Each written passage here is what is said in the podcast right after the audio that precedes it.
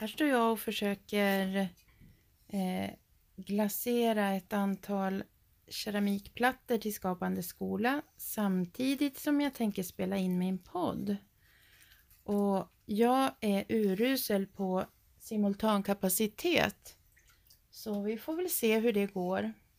Eh, men ikväll är en sån där kväll när det är, det är snart midnatt och eh, min ambition med att berätta lite från min konstnärsvardag varje dag den går ju om intet om jag inte berättar något om idag innan midnatt.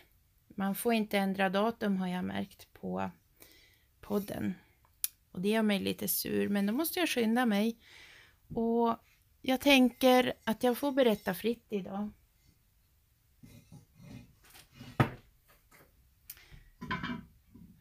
Jag tänker att jag ska berätta om vad jag står och tänker på. Och jag funderar bland annat på min podd och att, ni är, att det finns ett antal återkommande lyssnare, att min podd hela tiden tickar upp. Så fort att jag börjar om och berättar vad det är jag jobbar med som konstnär så finns det alltid lyssnare. Det kanske inte är hur många som helst men de som finns, det är ändå fantastiskt. Det är några som vill veta något om det här med att vara konstnär. Och jag tänker, jag står också och tänker på alla sådana här Youtubers som står och skriker ut olika saker om produkter som de testar. Att eh, de verkar ju sällan ha något manus, de bara gafflar på lite hit och dit och egentligen verkar de inte direkt ha så stor kunskap om sakerna verktyg eller nya maskiner och teknikgrunkor som de tar hem och testar. Jag tycker det är väldigt konstigt. Eh, det var nästan så att jag blev lite sugen på att bli en youtuber. Eh, tänk om folk skickade mig eh, verktyg för att skapa keramik och blåsa glas. Det kunde vara ritplattor, eh, olika penslar, färger, leror.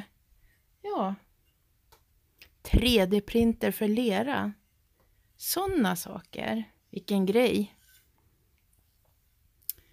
Eh, men om jag skulle vara en youtuber för sådana saker då skulle inte jag kunna bara stå där och skrika lite fritt och fram om, ja, om hur det går i stunden utan att direkt ha testat väldigt noga och visa mina allra bästa försök. Jag tror jag skulle köra någon sorts slow-tv Youtube. Som, och den skulle säkert bli väldigt intern bara för yrkesverksamma personer eller skapare som skapar på ett långsamt sätt. Och som faktiskt vill veta om de här olika produkterna är någonting att ha på riktigt. Om de fungerar. Eh, och som inte bara hojtar om att kartongen har en snygg grafisk formgivning och är rolig att öppna och känns trevlig och sådär. Det spelar ju ingen roll direkt.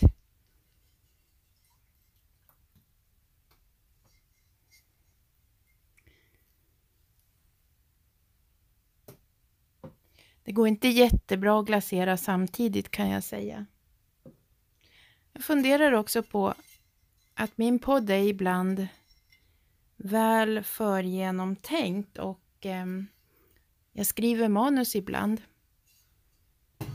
Men andra gånger så blir det så här. Och då berättar jag lite i stunden. Men jag tänker att det kanske kan få vara både och. Jag har ganska stora ambitioner med den här podden i det långa loppet. Och jag drömmer om att jag skulle ha en massa tid där jag kunde liksom faktiskt också redigera mer och aldrig lägga ut dåliga ljudklipp när det blir dålig inspelning eller eh, när vinden piskar i bakgrunden så att allting låter lite dåligt och sådär. Så det blir plågsamt för öronen, men jag hinner inte det. Jag tänker också att en, en jätterolig sak som jag så länge har velat göra, det är att även kontakta kollegor och eh, göra små mini-intervjuer här. Men kanske blev det behovet ändå lite mättat i och med projektet Hjärt som jag ju nu driver. Eh, alltså Härjedalen, Jämtland, Ateljéer i realtid. Det är ju en slags Youtube-historia faktiskt. Och där intervjuar jag mina kollegor online fast i videoformat. Och i bästa fall blir det i direktsändning strax. Ja, hörni. Det var några av kvällens tankar. Nu måste jag börja lasta ugn.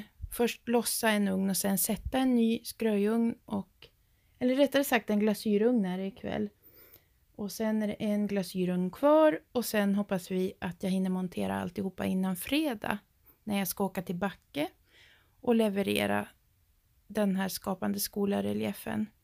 Om jag inte fortfarande är hostig då förstås. För jag har faktiskt lite hosta igen. Vi får se hur det går.